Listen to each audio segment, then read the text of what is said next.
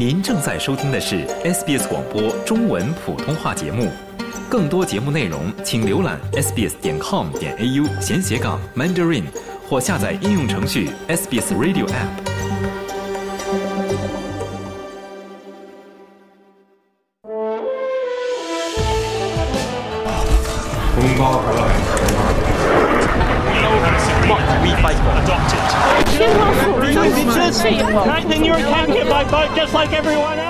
时政社会，文化经贸，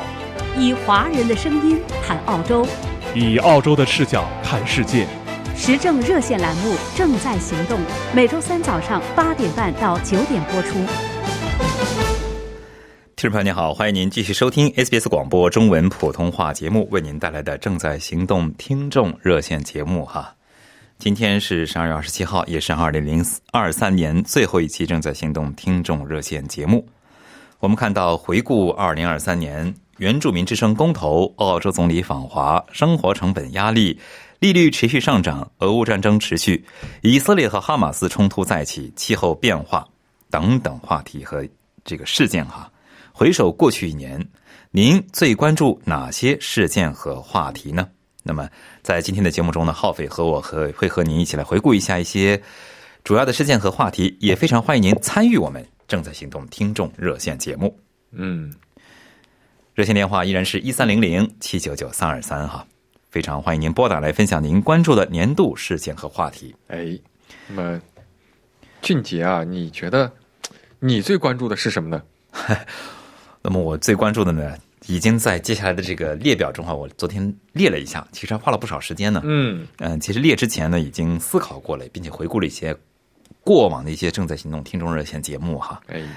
浩斐呢，在接下来呢，和我和您呢一起来简要的回顾一下国际国内的重要新闻这个年度事件之后呢，也就接通您的电话，请您来分享一下您所关注的事件。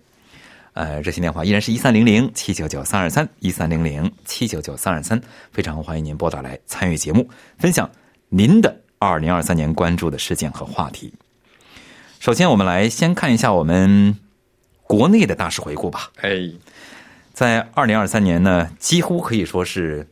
领导人哈，就是州的领导人退出的一年。嗯，包括最后一位经历过新冠疫情的州长辞职。澳航首席执行官在公众的愤怒声中被迫离职。与此同时呢，生活成本、利率持续上升，控制通货膨胀呢是主要的政治议题哈。对，我们看到，在从二零二二年连续八次加息之后，民众呢对二零二三年将为澳大利亚抵押贷款持有人带来的宽慰的希望很快就破灭了。所谓的粘性通胀导致储备银行将现金利率。从二零二三年年初的百分之三点一提高到了十一月的百分之四点三五，那么这就意味着呢，自二零二二年五月开始加息以来，贷款有五十万澳元的澳大利亚人借款人每月将多支出一千二百一十澳元。嗯，对于租房者来说呢，也是艰难的一年哈，房租大涨，全国的这个。出租房屋空置率也创下了历史新低，仅略高于百分之一。几乎所有首府城市的空置率呢是远低于百分之三。五月二十九号，西澳大利亚州州长马克·麦高恩在任职六年之后宣布辞去州长职务。嗯，六月五日，曾经被称为澳大利亚最严重的女性连环杀手的凯瑟琳·福尔比格被赦免并释放出狱。那么，现年五十六岁的福尔比格呢？被指在一九八九年至一九九九年期间杀害自己的四个孩子而服刑二十多年之后，新的科学证据呢，使当时的有罪判决受到质疑之后呢，他获释哈。嗯，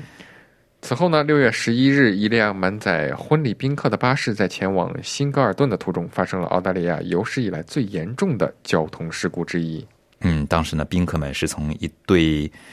新人的婚礼之后哈返回的时候。大巴车据称在一个环形路上失控，撞上护栏，然后侧翻，导致十人死亡，十几人受伤。巴士司机呢，布雷·安德鲁巴顿目前因为这起悲剧面临六十三项指控，如今他被保释在外，等待一月份对指控进行的认证的决定。在高生活成本压力、面对业绩下滑和航班取消的状况之下呢，澳航呢创纪录的二十五亿澳元的利润呢，激怒了澳大利亚民众。该航空公司呢被指出售已取消的幽灵航班的机票，并被认定非法解雇了约一千七百名员工。嗯，九月十八日，央行米歇尔·布洛克成为澳大利亚储备银行有史以来的第一位女行长。前储行行长菲利普·洛伊因持续加息而面临越来越多的审查，加息使抵押贷款有持有者感到紧张，并推高了全国各地的房租价格。另外呢，在布洛克的领导下呢，现金利率将保持稳定的希望在十一月七号破灭，储行将利率提高到十二年来的最高点哈，百分之四点三五。九月二十六号，丹尼尔·安德鲁斯宣布哈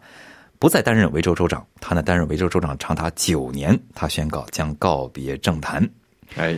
十月十四号，备受关注的原住民之声公投没有获得通过。十月二十六号，同时我们也看到哈。前自由党职员布鲁斯·莱尔曼被高调指控于二零二一年十月在图文巴强奸一名女性。此前呢，因为昆士兰州的法律呢，不能来公布他的姓名。嗯，十一月五日，在维多利亚州乡村小镇戴尔斯福德，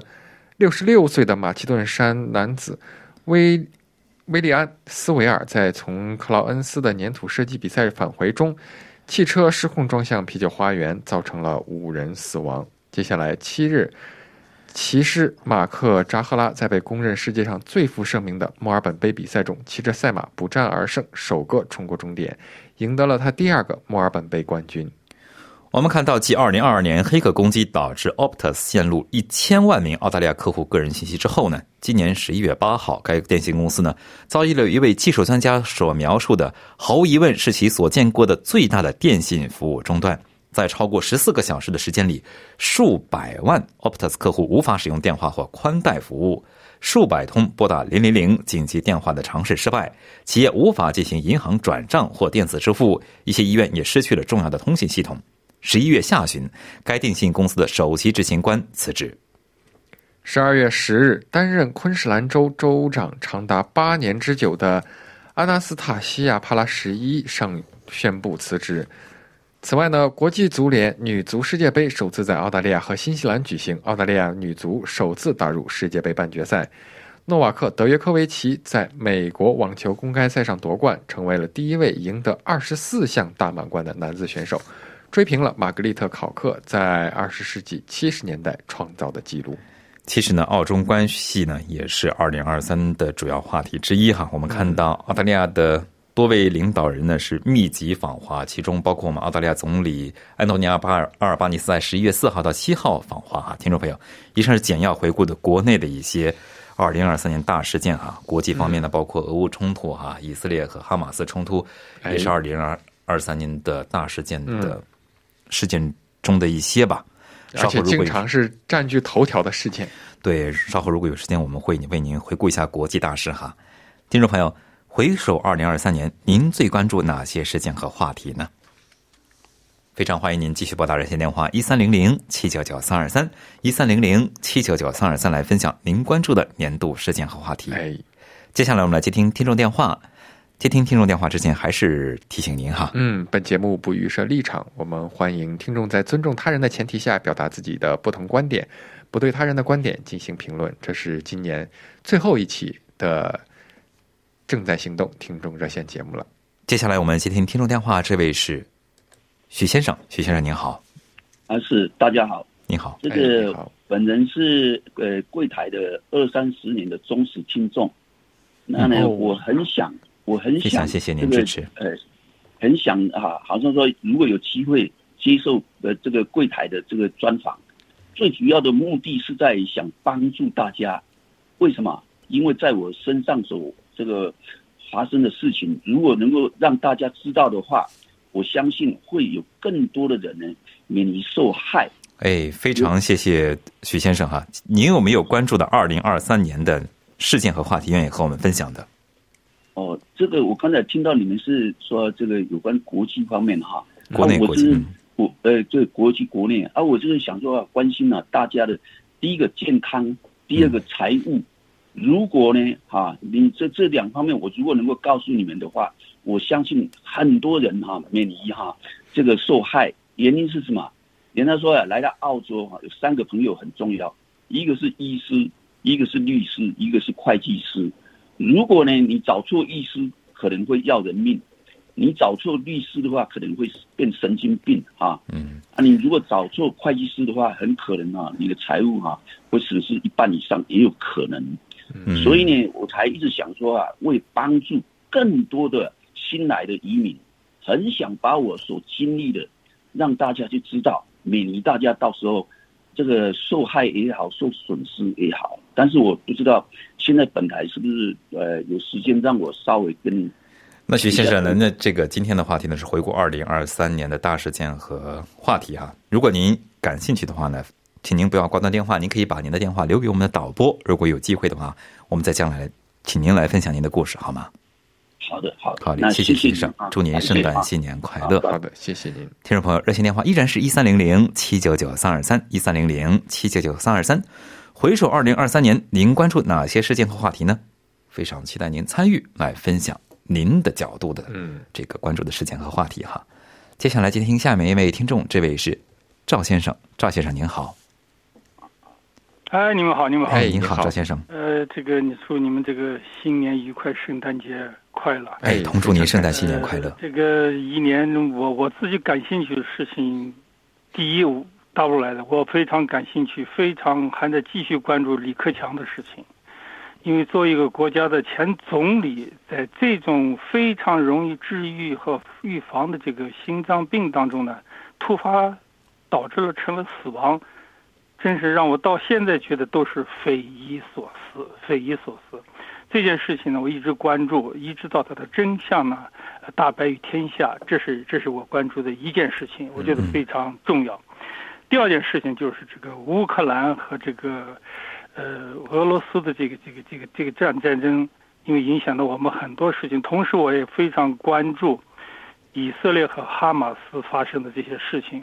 在这个上面呢，大家呢可能有很多不同的看法，但我个人认为最关键的一一一点呢，无论我们抱有什么样的美好的、道德的、善良的这种这种愿望，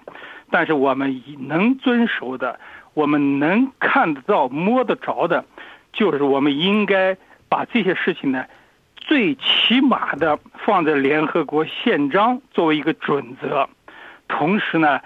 如果真打起来呢，我们希望呢，按照日内瓦交战公约作为一个准绳，对双方进行严格约束，不能由于某一某一种原因对一方呢进行包庇和纵容。呃，我在那个那个巴勒斯坦那个那个那个有几个朋友的群里，因为我附近就有有好好多这些朋友，嗯。嗯。他们的难民现在确实，呃，从南呃从北跑到南，从南又又又要继续往埃及方面跑，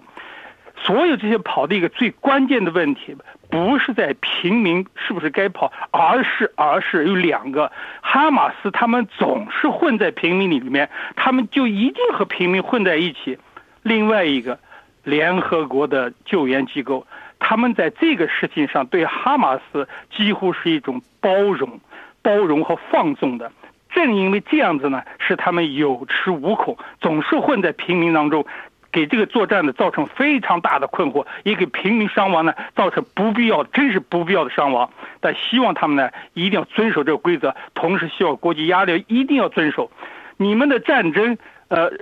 理由因为理由现在没有办法争论这些东西，只是说在进行战争的时候，千万要遵守日内瓦公约，这个样子的，可以最大限度的保障平民。第三个，我我我我我感兴趣的就是听到你们这广播说飞机票大减价，我觉得真是的，这样减价的飞机票，把各个航空公司逼到这种程度的话，他们拿什么钱、什么精力来做飞机的维修？这样子的话呢，我说句心里话，我在五年之内能不上天，我就不上天，我不会飞，出了事情我一点办法都没有。呃，这是我个人的一些观点，呃，这是我个人观点。好，再见。哎非常非常感谢非常感谢赵先生分享自己关注的事件和话题哈。那么，听众朋友，热线电话依然是一三零零七九九三二三一三零零七九九三二三，非常期待您参与二零二三年的最后一期正在行动听众热线节目，拨打热线电话来分享您关注的年度事件和话题。接下来我们继续接听听众电话，这位是张先生，张先生您好，啊，早晨，大家好。哎，你你好，我认为啊，以前这个巴勒斯坦呐、因为他收留这个以色列的难民之后呢，他们把他们的土地也占有了，所以才有现在今天的教育。至于苏联领导，他就是个魔鬼。希希望今天是经济选址，他不落选。这个以色列和苏联呢，也是气候污染，而且人民的杀手的罪人。好，也现在也祝福来年每大家都有个美好的一年。好，谢谢，非常谢谢张先生的分享和祝福哈。听众朋友，热线电话依然是一三零零七九九三二三一三零零七九九三二三，非常欢迎您拨打热线电话来参与正在行动听众热线节目，来分享您关注的年度事件和话题哈。刚才我们回顾了一部分国内的大事哈，其实，在我们过去的一年中，澳中关系呢是一个特别大的话题哈。哎。我们看到，在今年三月底的时候呢，时任维州州长丹尼尔·安德鲁斯呢，在其任内第七次访华，也是呢中国重开边境以后哈首次有澳大利亚州长访问中国。嗯，随后的今年四月中旬呢，时任西澳洲州长马克·麦高恩访华，他当时说呢，西澳洲需要与其最大的出口客户保持良好的关系。那次行程呢，也被描述为定期的关系维护。嗯，那次行程重点在讨论能源资源和科学创新啊。我们看到，国际教育、航空方面和贸易和投资的互相交流也被参与在探讨其中。随后呢，八月五日，中国政府宣布取消对澳大利亚大麦征收的百分之八十点五的关税。随后，十月十一日，澳大利亚籍记者程磊从中国监狱中毫无征兆的获释，并回到了澳大利亚与家人团聚。总理阿尔巴尼斯于十一月四日至七日对中国进行了正式访问。那次访问是阿尔巴尼斯第七次前往中国，但是是第一次以总理身份访华，也是七年来首位访华的澳大利亚总理。在总理访华后不久，中国就加快了对澳大利亚葡萄酒关税的进行审查。此外，总理访华同时，时任昆州州长帕拉什伊也在十一月六日展开了为期五天的访华行程。昆州政府的新闻稿显示，那次访问团包括了教育、商业、农业、贸易。和旅游业超过一百位代表访问，旨在加强昆州和中国的贸易关系。新闻稿指，昆州和上海有着长期的姐妹州协议和贸易投资合伙合作伙伴的合作。嗯，在十一月二十号呢，西澳州新任州长罗杰·库克访问中国。西澳州政府表示呢，探索新的投资和贸易机会是那次访问的主要目标。哈，嗯，今年的亚太经合组织峰会呢，在美国旧金山举行。那么当时呢，澳大利亚总理阿尔巴尼在会议最后一天会见了中国国家主席习近平。在峰会期间呢，澳大利亚海军潜水员与一艘中国军舰的冲突中受轻伤的消息呢，也引发了争议和争论。嗯，看得出来啊，今年确实这是一个与中国频繁交往的一年。另外呢，为您简要的回顾几个国际大事哈。哎，我们看到哈。从二零二三年新年伊始，哈，美国空军称，就是二月四号的时候，在卡罗来纳海岸呢，击落了一个疑似中国间谍气球，引发了间谍气球风波。二月六号呢，土耳其和叙利亚发生了七点八级破坏性地震，在今天的新闻中有提到哈。哎，另外还在五月六号呢，英国国王查尔斯三世和卡米拉王后呢，在威斯敏斯特大教堂举行了加冕典礼。嗯，这是继二零二二年十一月发起。二零二四年总统竞选之后，美国前总统特朗普今年又遭到了四项独立的刑事起诉，使其遭受重罪控指控达到了九十一项。我们看到，在俄罗斯与乌克兰的西方盟国关系日益紧张的背景之下呢，乌克兰战争持续。虽然已经乌克兰已经夺回了部分的领土哈，但俄罗斯仍然占领着该国百分之十八的领土。数百万俄罗斯乌乌克兰人逃离了祖国，另有五百多万人呢在国内流离失所。乌克兰总统泽连斯基继续向西方盟国请求支援。